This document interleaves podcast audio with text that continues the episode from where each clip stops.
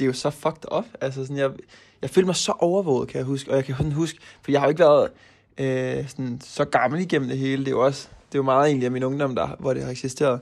Men jeg kan huske det der med, at jeg lå sådan og tænkte sådan, ej, jeg vide, om der sidder en eller anden og kigger ind af vinduerne, eller er, der, er jeg blevet hacket på alle de her forskellige kon, altså sociale medier, eller, altså sådan, jeg, jeg vidste jo ikke hvorfor, og det var også, det tror jeg også på en måde var sådan lidt uhyggeligt, og jeg kan da også huske mine venner, og sådan, gik og gættede på, hvem det kunne være, og jeg gik også selv og tænkte sådan, ej, er det nogen, jeg kender, eller har jeg gjort nogen for træde, hvorfor, hvorfor fortjener jeg at, at skulle igennem det her, sådan, man, jeg tror bare, man tænker mange tanker, og har mange frustrationer og bekymringer, som, som man ikke kan finde svar på, fordi det var umuligt at finde frem til, hvem der stod bag profilen.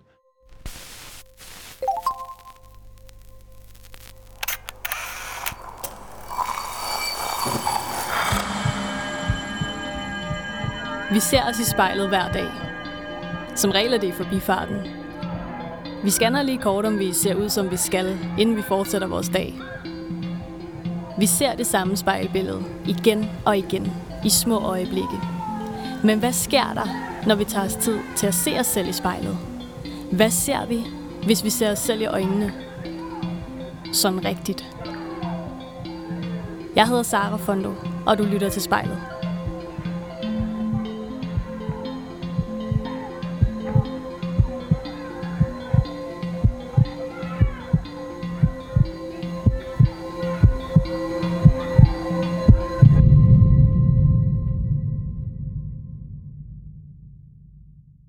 Hej Malte. Hej Sara. Godmorgen. Eller godmorgen er det vel ikke helt. Nu er det jo God formiddag. efterhånden formiddag. ja. Men øh, tusind tak, fordi at du lige har lidt øh, tid til at tale med mig i dag. Jamen selvfølgelig. Jeg synes, det er, det er så hyggeligt. Så fedt. Og fedt at lave en podcast. Det har jeg faktisk ikke prøvet før. Nej. Så det er, det er min debut podcast. Ja, Det er meget taknemmelig over at være med. fedt. Det synes jeg er fedt. Jamen, der er jo en første gang for alting. Det er jo det. Så det skal man nyde. Og Malte, hvor øh, sidder du henne lige nu? Jamen, øhm, lige nu har jeg prøvet at sætte mig godt til rette, til rette på mit ellers lidt triste værelse heroppe i, øh, heroppe i Norge. Jeg bor i sådan et... Øh, jeg har sammen med en dansker og en nordmand lejet sådan et hus, der ligger lidt oppe i fjellet, som cirka kvarters gang fra den skole, hvor jeg går på her i Lillehammer. Men øh, nu har jeg sat mig med et spejl, og med god udsigt, og en varm kop kaffe. Så jeg tænker ikke, det kan gå helt galt. Når du siger, der er øh, god udsigt, kan du prøve at beskrive den for mig? Øh, ja, altså vi har været sindssygt heldige med det her hus. Altså ikke fordi huset er særlig fedt, for det er sgu lidt et lortehus. Men, øh, men udsigtsmæssigt er det ret nice, fordi så ligger det sådan helt op, helt op af, ja, op af fjeldsiden-agtigt. Øh, og så har vi udsigt over sådan en mega flot sø. Øh, og i nat er der bare faldet voldsomt meget sne også. Så, så det hele er totalt snebeklædt og, og flot.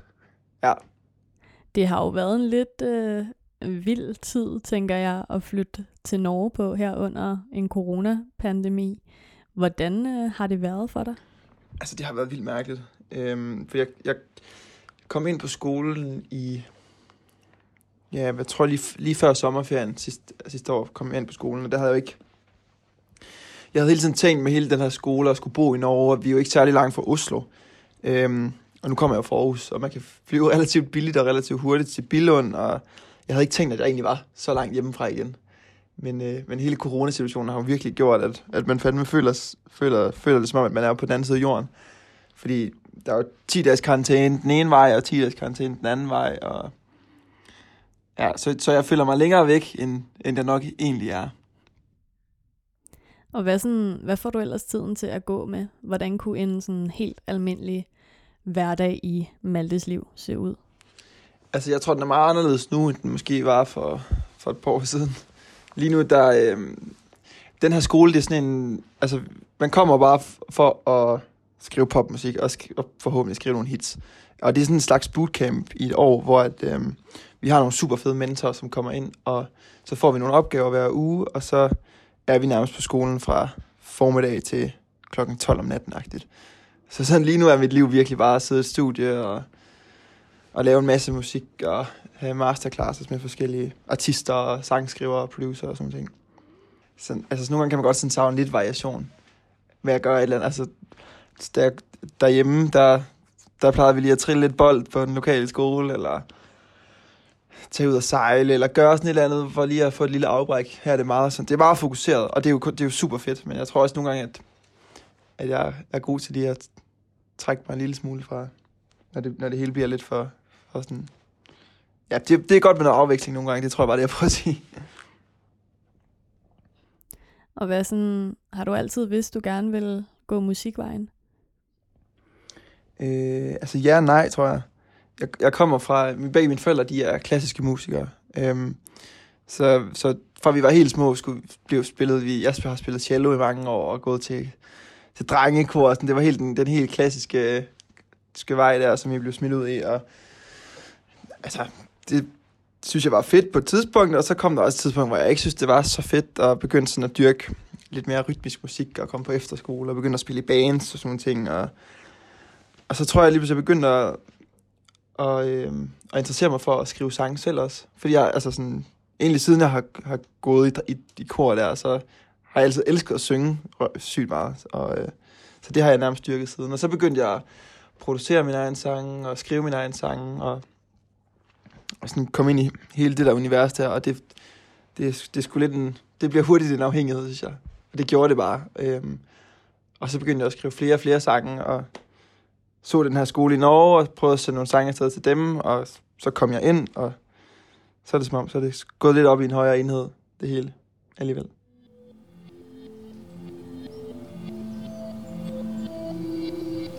Jeg hedder Malte. Jeg kigger mig til i spejlet.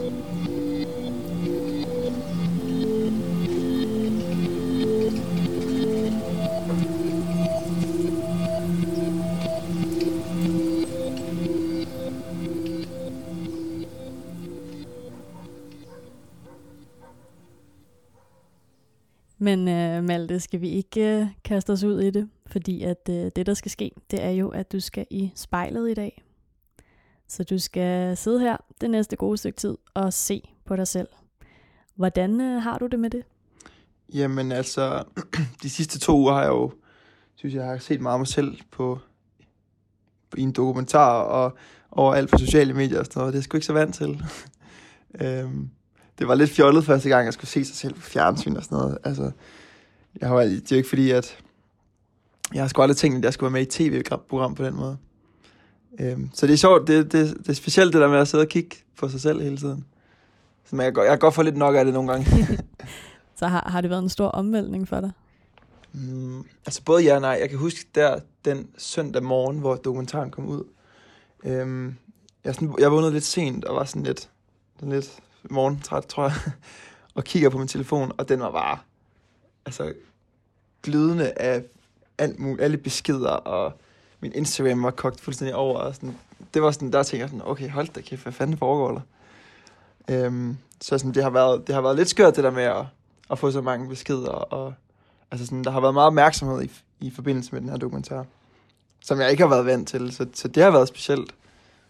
Men, men det er jo fedt, at der bliver sat noget, noget fokus på hele den her problematik. Og sådan. Ja. Men det har det været lidt en omvæltning. Men uh, Malte, skal vi ikke aftale, at uh, selv hvis det bliver lidt uh, mærkeligt undervejs at sidde der og skulle holde øjenkontakt med dig selv så længe, så bliver du ved, mm. indtil vi er færdige. Det lover jeg. Men jeg synes, at du skal starte med lige at lukke øjnene. Ja.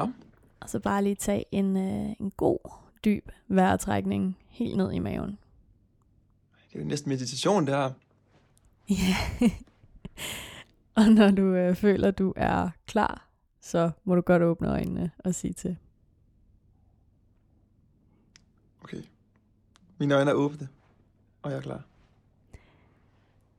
Så Malte, vil du ikke prøve at starte med at beskrive dit ansigt, som du ser det i spejlet? Øh, jo. Ja, det tror jeg også ikke, jeg har gjort før. Øhm, jo, men altså, jeg kigger på mig selv her i spejlet, og jeg kunne sgu godt trænge til at blive klippet, kan jeg se. øhm, min hud er også blevet vanvittigt bleg, efter, efter nogle lange vintermåneder her i Norge, uden så meget solskin. Øhm, og mine, mine øjne er blå. Og øh, hvad ser jeg mere? Jeg kunne også godt lige trænge til måske lige, lige at barbere mig. Jeg har lige købt en ny barbermaskine, som jeg faktisk er ret glad for. Den tror jeg, jeg skal ud og bruge, kan jeg godt se. Ja. Tror du, at der er noget ved dit ansigt, der gør det sådan særligt attraktivt at stjæle? Øh... Nej, det, det, ved jeg, det synes jeg er svært at svare på, egentlig det ved jeg ikke. Altså, jeg har hele tiden tænkt over, at, at hele, at hele de, de her forhold, som... Altså, alt det her, de her piger er ligesom faldet for, har også været meget den der enorm følelsesmæssige kontakt, som den falske profil har, har været så god til at opbygge. Så jeg tror, jeg tror også, det har været rigtig meget det, der ligesom har, har, har gjort, at, at det er blevet så, så nogle intense forhold, de har haft, de her piger. Ja, fordi at man kan jo nærmest sige, at dit ansigt har, har haft et liv for sig selv. Um, at det ligesom er blevet brugt til at, at manipulere en masse piger. Hvordan ja. har det været ligesom at, at få stjålet sit ansigt? Øh, det har været virkelig underligt. Altså jeg har hele tiden jeg har følt sådan, at der har været lidt en dobbeltgænger, eller sådan lidt sådan en skygge, der har fulgt mig, eller sådan, jeg, jeg ved sgu ikke, jeg synes, det har været enormt specielt. Øhm, også til der med ikke at vide, sådan, hvad ens ansigt bliver brugt til. Altså, også nogle af de her piger, jeg, altså jeg møder, jo, jeg møder jo en pige, som, det var første gang, jeg ligesom blev gjort bekendt med hele den her sag på Roskilde Festival, som, som ligesom kan genkende mig igennem den falske profil der, og, og spørger mig sådan, siger sådan, Nikolaj, hvad fanden er det, du har gang i? Og, og jeg er totalt forvirret. Og sådan, det er underligt det der med, at, at mit ansigt har været, har været med til at, at være en kæmpe idiot over for nogle piger, jeg ikke ved, hvem er, og sådan, som du også siger, levet sit eget liv. Det har været meget specielt. Ja, fordi altså, jeg tænker, altså vores udseende er jo en kæmpe del af, af hvem vi er, og er med til at gøre os unikke. Ikke? Så hvordan har det påvirket mm. altså dit eget selvbillede at vide, at der var en sådan dobbeltgænger derude? Mm. Jamen, det er faktisk et godt spørgsmål. Altså, jeg, jeg tror sådan, i min naive lille hjerne, så prøvede jeg sådan at lægge det frem og hele tiden tænke, at, at nu var det nok slut. For jeg tror ikke, jeg kunne forestille mig, at man ville gøre det i så lang tid. Altså prøv, prøv at tænke alligevel otte år at tage en anden persons ansigt. Altså hun er jo blevet mere mig, end hun, er, end hun var sig selv, hende pigen der. Øhm. Så jeg tror hele tiden, jeg tænkte sådan, nej, nu er det slut. Nu er det slut, så, så nu tænker jeg ikke mere over det. Og så hele tiden, så gik der bare lige en måned, så fik man en ny, en ny henvendelse fra en anden pige. Men sådan, ja, jeg ved sgu ikke, jeg, jeg, jeg ved ikke sådan, om det har ændret sig meget andet, end, end jeg bare har været enormt frustreret over, at det har, at det har eksisteret.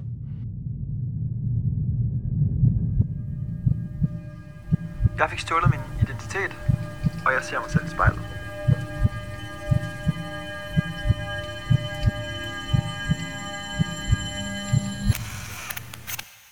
Og hvor omfangsrigt var det? Altså vedkommende havde en Tinder-profil med dit ansigt på, og, og hvad var der ellers? Øhm, så var der jo en Instagram-profil, kan jeg huske. Jeg kan huske, jeg var lidt sådan, fuck mand, hvordan har han flere følgere end mig? Når det er mit ansigt. øhm, så jeg lavede lidt sådan, jeg lavede et Facebook-opslag, som var sådan lidt, lidt i en useriøs tone. Øhm, sådan lidt lol. Og så skrev jeg, øhm, hey venner, kan I ikke anmelde den her profil? Øh, han har, han har fandme flere følgere end mig, eller sådan et andet skrev. Som om jeg havde, altså for sjov agtigt havde ondt i røven over det. Og det var jo ikke det, det handlede om, men, men det var også sådan lidt skørt, det der med, at der var nogen, der havde stjålet mit liv, og så bygget den her profil op og havde sygt mange følgere. Og her var bare lille mig fra Aarhus, der havde 300 følgere på Instagram. Eller sådan. Det, var, det var mærkeligt, at der var nogen, der ejede mit liv mere, end jeg selv gjorde. Ja, fordi det, det har vel været et ret sådan voldsomt indgreb i dit privatliv. Altså, at en anden udlægger det for at være sit eget. Mm. Hvordan var det sådan at se dit eget liv blive replikeret af en anden? Jamen, det, det er jo så fucked up. Altså, sådan, jeg, jeg følte mig så overvåget, kan jeg huske. Og jeg kan huske, for jeg har jo ikke været øh, sådan, så gammel igennem det hele. Det er jo også, det er jo meget egentlig af min ungdom, der, hvor det har eksisteret. Jeg kan huske det med, at jeg lå sådan og tænkte sådan, ej, jeg vide, om der sidder en eller anden og kigger ind ad vinduerne, eller er, der, er jeg blevet hacket på alle de her forskellige kon, altså sociale medier, eller, altså sådan, jeg, jeg vidste jo ikke hvorfor, og det var, det tror jeg også på en måde var sådan lidt uhyggeligt, og jeg kan da også huske mine venner, sådan, gik og gættede på, hvem det kunne være, og jeg gik også selv og tænkte sådan, ej, er det nogen, jeg kender, eller har jeg gjort nogen for træde? Hvorfor, hvorfor fortjener jeg at, at skulle igennem det her? Sådan, man, jeg tror bare, man tænker mange tanker, og har mange frustrationer og bekymringer, som, som man ikke kan finde svar på, fordi det var umuligt at finde frem til, hvem der stod bag profilen. Så forestillede du dig, at det var nogen, altså, du rent faktisk kendte? Ja, ja, det gjorde det absolut. Men det var også fordi, at den her skide profil blev ved med at skrive sådan noget med, at det var nogen fra min efterskole, og sådan blev ved med at, at kaste bolden videre på en eller anden måde. Øhm, og jeg vidste jo ingenting. Jeg var jo total, total blank. Så jeg kunne jo kun gå og gætte på det, som, som den, den der profil havde ligesom skrevet til mig.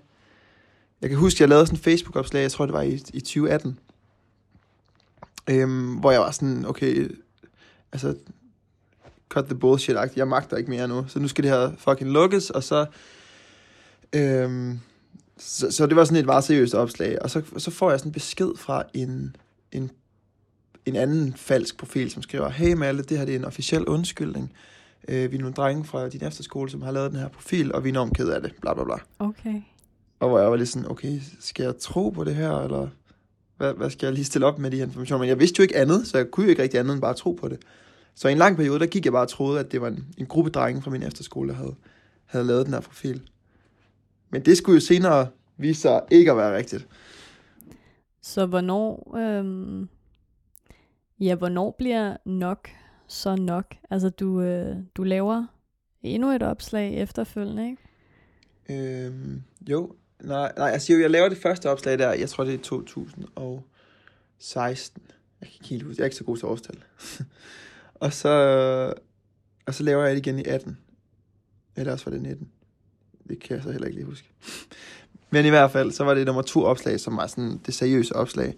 Og det var også der, jeg blev, blev kontaktet af nogle journalister, som, som synes, det var en spændende historie at undersøge og prøve at se, hvad man kunne, kunne stille op mod, mod den her, de her falske profiler. Ja, og, og hvilken forskel... Og det var ligesom vendepunktet, tror jeg. Mm. Ja, hvilken forskel gjorde det at have et øh, ja, helt hold i ryggen til at prøve at, at finde ud af, hvad der var hoved og hale i det hele? Ja, en kæmpe forskel jo. Altså, de, de sad jo undersøgt det fra 8 til 4 hver dag i, i ret mange måneder. Eller de har virkelig lagt en indsats i det op. Altså kæmpe skud til alle, der har været med til at lave, til, til at lave programmet. For de har virkelig, virkelig lagt meget tid og arbejde i det. De har været så seje, det er helt vildt. Så det har sgu været, øhm, det har virkelig været en, en god og lærerig, synes jeg, øhm, proces.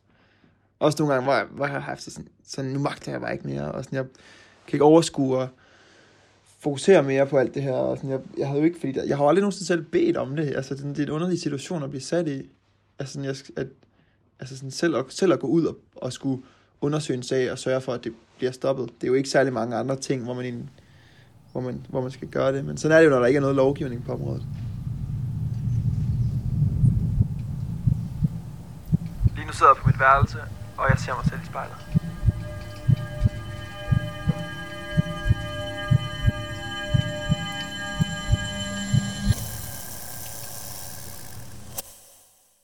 Havde du forventet, at de rent faktisk ville finde frem til vedkommende? Nej, det havde jeg faktisk ikke.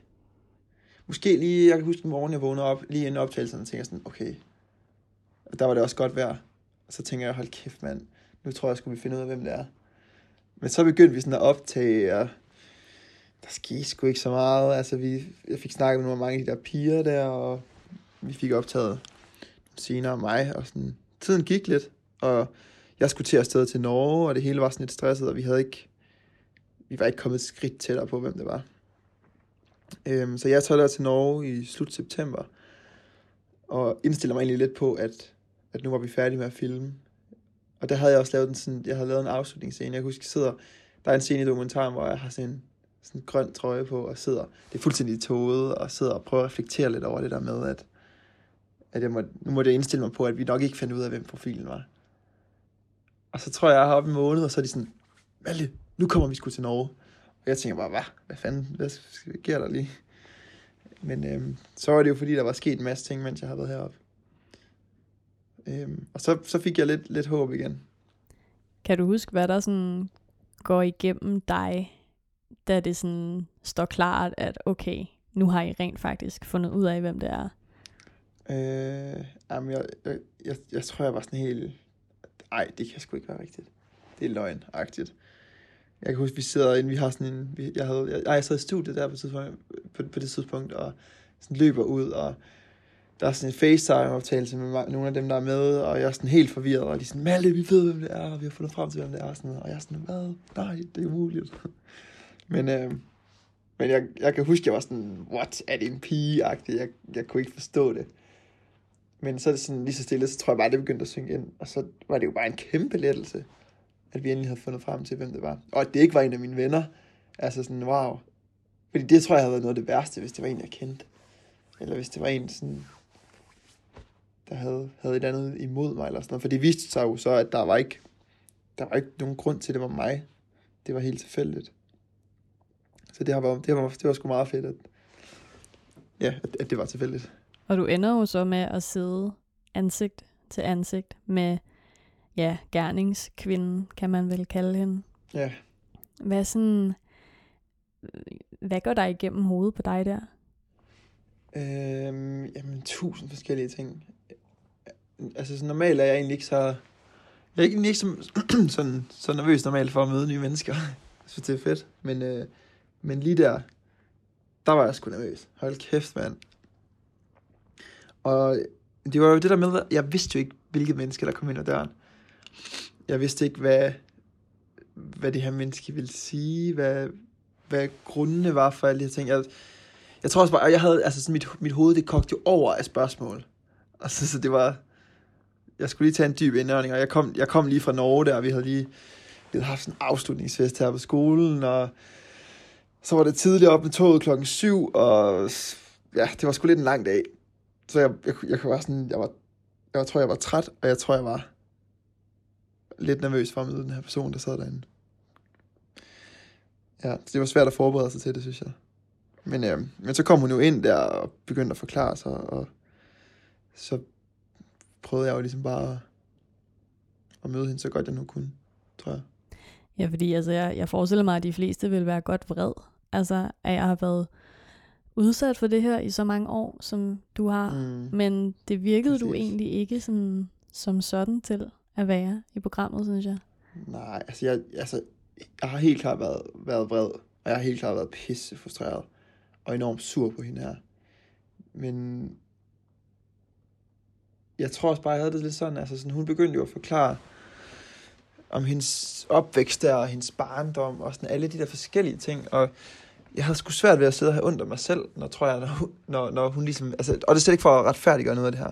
Jeg synes absolut ikke, at, at det er i orden, det hun har gjort, og jeg synes, der skal være lovgivning og nogle retningslinjer, så der er aldrig nogen, der oplever det samme igen. Og sådan, jeg, jeg, jeg hader hende for, at hun har gjort det her mod mig. Men jeg synes, det var svært at sidde her af mig selv i den situation. Altså sådan, jeg, jeg, har, jeg, har jo, jeg har et godt liv, og jeg er jo enormt tilfreds med, med mit liv og alt det, jeg har. Og sådan, det er jo, jo pisse nederen at få stjålet sine ting på sociale medier. Men, men hold kæft, for havde hun også bare haft et, et hårdt liv. Øhm, så sådan, jeg, jeg tror, jeg prøvede at møde hende mere, og jeg kunne mærke, at det betød meget for mig, at hun også kunne komme ud af det her. Altså, fordi prøv at tænke at udgive sig for at være en anden på, på sociale medier i otte år. Som jeg også tidligere sagde i programmet, så, så hun, er jo, hun har jo været mere mig, end hun har været sig selv. Og det kan jo umuligt være, være særlig fedt. Ja. ja, når hun har set sig i spejlet, så har hun ja, set Nikolaj Isaksen. Men det, og det er slet ikke heller ikke, det er slet ikke for at sidde og lyde som en eller anden heldig Mandela. Og sådan. Altså, jeg, jeg, jeg synes, hun har været en kæmpe idiot. Absolut. Men, men, jeg, men det, var, det var sgu også for... Det var sgu også vigtigt for mig, at hun, hun kom ud på den anden side, og, og, kunne, ja, og hun kan komme videre. Jeg hedder Malte. Jeg står foran spejlet.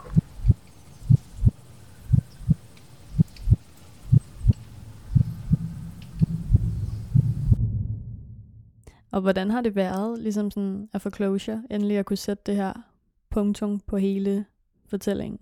Jamen, det har været så, så fucking fedt. Det har det virkelig. Altså, det er virkelig et kapitel, der for alvor er lukket nu, og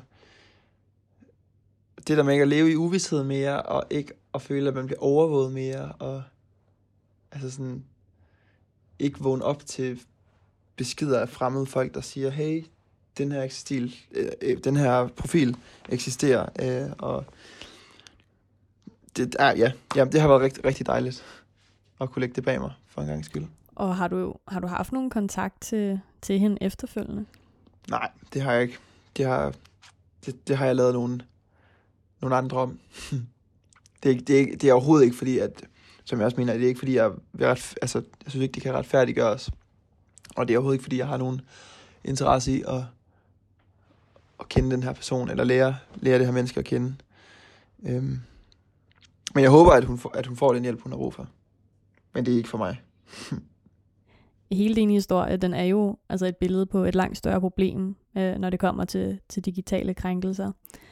Var du altså dengang klar over, hvad du skulle gøre, eller hvad du kunne gøre for at få det stoppet? Jamen det er jo så sørgeligt at finde ud af, det var, at man kan jo ikke rigtig gøre så meget. Og det er jo det, der er hele problemet. Det er jo der, problemet ligger lidt egentlig. Jeg, fordi jeg, jeg ringer til politiet første gang, også inden vi faktisk optager, og prøver at sådan, altså jeg ved, ringer der som sådan et kæmpe spørgsmålstegn, og sådan, hey, øh, det her, eksister, det her, øh, ja, det her finder sted, og jeg ved ikke, hvad jeg skal gøre. Kan jeg, kan jeg få noget hjælp af jer? Og så bliver jeg mødt af ham her, sådan en rigtig jøde politimand, der var sådan, og så hvis der ikke er noget økonomisk kriminalitet, eller hvis der ikke er blevet stjålet CPR-nummer, så er der ikke noget at gøre. Og sådan, jeg sagde jo det der med, jamen prøv nu at høre, det er identitetsteori, og hjælp mig nu for fanden. Men der var han meget hurtigt til at sige, det har ikke noget med identitetsteori at gøre, fordi der som sagt ikke er noget økonomisk eller nogen CPR-nummer indblandet. Så den blev meget hurtigt lukket ned der. Der var ikke meget hjælp at hente.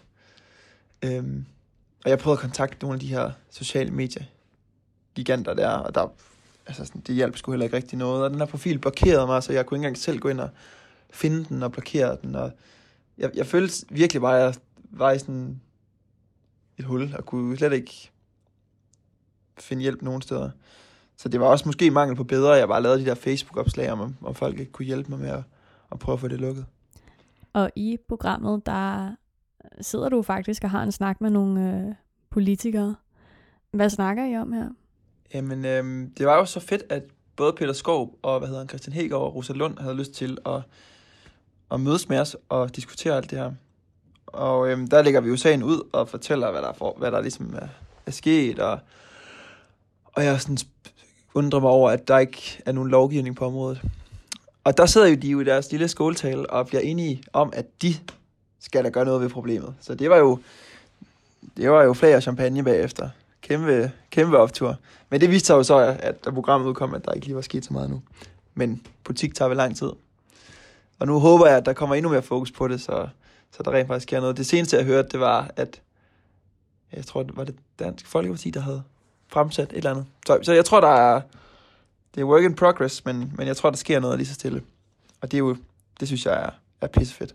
Som du ser det, altså, hvad skal der så ske? Altså, hvad kunne være en god sådan løsning på det? Det er også et godt spørgsmål. Altså, og jeg, jeg har hele tiden også, der folk siger sådan, hvad synes du ikke, at hende pigen her, hun skal have en straf, og hvad synes du, man skal gøre? Sådan noget. Jeg, jeg har hele tiden sagt, jeg, jeg, jeg skal ikke være den, der ligesom skal vurdere straffen. Det, det ved jeg simpelthen ikke. Jeg synes, det er vildt svært at sige. Sådan, men jeg synes måske, man, jeg ved ikke, kunne man, kunne man ikke gøre sådan et andet, så man, altså man skal jo sgu da alligevel nemt i det validere alting i dag, eller man kan jo ikke rigtig oprette nogle konto andre steder, uden at skulle det. Så, så tænker man, man kunne, man kunne da godt validere de der kon, sociale medier kon, konti på en eller anden måde. Ja, for man kan sige, altså i princippet, så der er jo ikke noget, der stopper gerningskvinden fra at gå ud og, og gentage det måske med en anden ung fyrs ansigt, eller en kvinde. Absolut ikke. Absolut ikke. Ja. Nej, nej, det kan jo, det er sagtens være. Der kan man jo kun krydse fingre og håbe, at, at hun har lært af sin fejl. Men det er fuldstændig rigtigt. Altså, sådan, hun, kunne jo, hun kunne jo gøre det samme i morgen, uden der vil ske noget. Så det er også bare det, jeg mener. Jeg, jeg ved ikke, hvad, hvad straffen skal være. Jeg ved bare, at det ikke skal være i orden. Og at det ikke skal være lovligt. Eller er det i virkeligheden, altså er det os, der måske også altså, skal lære at forholde os lidt mere kritisk, altså i forhold til, hvem vi er i kontakt med over nettet? Altså, jeg, jeg synes helt klart, at man skal forholde sig mere kritisk til det, og sådan, øhm, jeg synes, man skal tænke over, hvad man, altså inden man lige snakker i telefon sammen hele natten og fortæller alle sine hemmeligheder, skal man måske lige tænke over, hvem det er, der sidder på den anden side. Øh, det er absolut en, et godt råd, tror jeg. Men jeg tror også, at jamen, jeg havde det sgu også sådan, at jeg, alle mine venner og dem, altså sådan, dem jeg nu var sammen med, og familie og sådan noget, de, de lavede jo ligesom ting ud, som, som de ville. Det var jo ikke, fordi de hele tiden gik og tænkte over, ej, måske det her billede af min, hvor det var, ved jeg, øh, bliver stjålet af en eller anden profil. Det var jo ikke, altså sådan, det tænkte de jo ikke over. Og jeg var sådan, fuck, jeg gider sgu da heller ikke gå og tænke over, at mine ting, jeg ville da have sociale medier, ligesom alle andre har sociale medier. Øhm, og det kan godt være, det var dumt, og mange, jeg har også fået mange henvendelser fra folk, der skriver, at du kunne jo bare have tænkt over, hvad du lavede ud på nettet. Og sådan, det er også et udmærket råd, og det vil jeg også meget gerne gøre, men jeg havde da også sådan, jeg, fuck, jeg vil ikke gå på kompromis, fordi at det her, det er ikke er ulovligt. Altså sådan, jeg vil hellere slå et slag for, at, at, at man så fik rykket på nogle, på nogle regler, så, så det rent faktisk var ulovligt at tage mine billeder. I stedet for, at jeg ikke, ikke måtte lægge det ud, som jeg gerne vil, hvis det giver mening. Det gør det. Så hvordan øh, forholder du dig til det i dag? Altså når du skal poste et billede på Insta, tænker du så nogensinde, oh shit, øh, er der nu nogen, der kommer til at stjæle det her? Altså jeg tror, det ligger lidt om, jeg tror altid, det kommer til at ligge lidt om i baghovedet. Sådan, når jeg lægger det her herud, så er det ikke mit mere-agtigt. Altså så kan man, så kan det bare blive taget, og det bliver, altså sådan, jeg tror hele tiden, den der frygt ligger lidt i hovedet, fordi det har jo, har jo fyldt så meget længe, men, men jeg tror, altså sådan, jeg, jeg lægger det ud, jeg gerne vil, og ja, jeg, jeg håber bare, at den her sag får, får rykket, så, at, så man ikke behøver at være bange for, at der er nogen, der stjæler ens ting.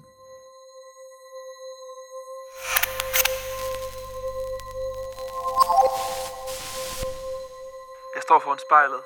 Jeg hedder Malte. Og hvad, sådan, hvad har du ellers lært af at have fået stjålet din identitet og været gået igennem alt det, som du har? Mm. Hvad har jeg lært? Jamen, øh, nu lyder det lidt kliché at sige, man kan, hvis man vil, men ej, jeg tror, jeg har lært, at, at altså sådan, jeg, jeg er sgu glad for, at jeg ikke gav op, og jeg er glad for, at jeg ligesom tog kampen op, øhm, og, og gjorde en indsats for, for at få lukket den her profil ned. Fordi hvis jeg ikke havde gjort det, havde den jo nok eksisteret den dag i dag. Og jeg ved, hvor, hvor lang tid der så var gået, før der kom noget lovgivning på området. Øhm, så, så det har da helt klart lært mig, at, man, at, at det er vigtigt at... Og, jamen, det lyder så åndssvagt, men ja, men ja, og, og, og, og blive ved, tror jeg. Og Malte, vi begynder at nærme os uh, slutningen nu her. Er der allerede gået... så- Hold kæft, så har det gået sgu hurtigt, når vi snakker om det. Det er gået 35... Har jeg, har, jeg snakket, har jeg snakket for meget? Nej, slet ikke. Det har været helt fantastisk. Ah, Okay. Men øhm, hvordan har det været at sidde der og, og se på dig selv så længe her og tale om alt det her? Jamen altså, sidde og kigge på det her grimme ansigt så længe, det ved jeg sgu ikke, hvordan det har været. Men det er fedt at tale om det.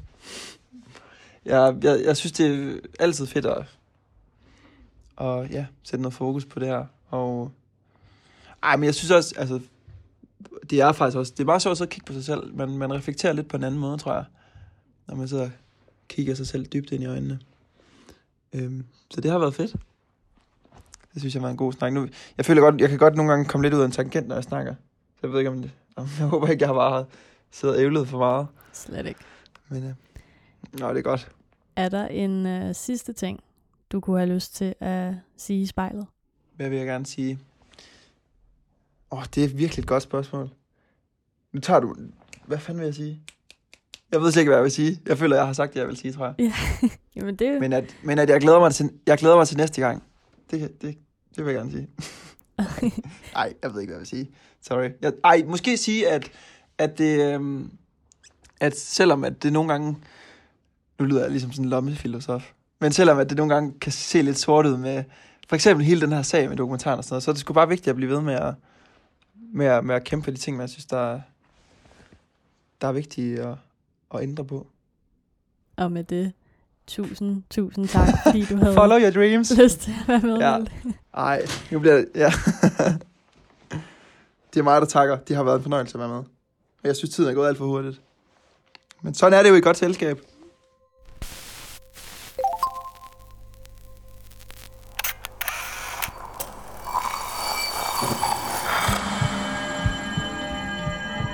Du har lyttet til spejlet. Produceret af Kontrafej og klippet er tilrettelagt af mig, Sara Fondo. Hvis du har noget på hjerte, eller hvis du har en idé til, hvem der skal stå foran spejlet, så skriv til os på Instagram.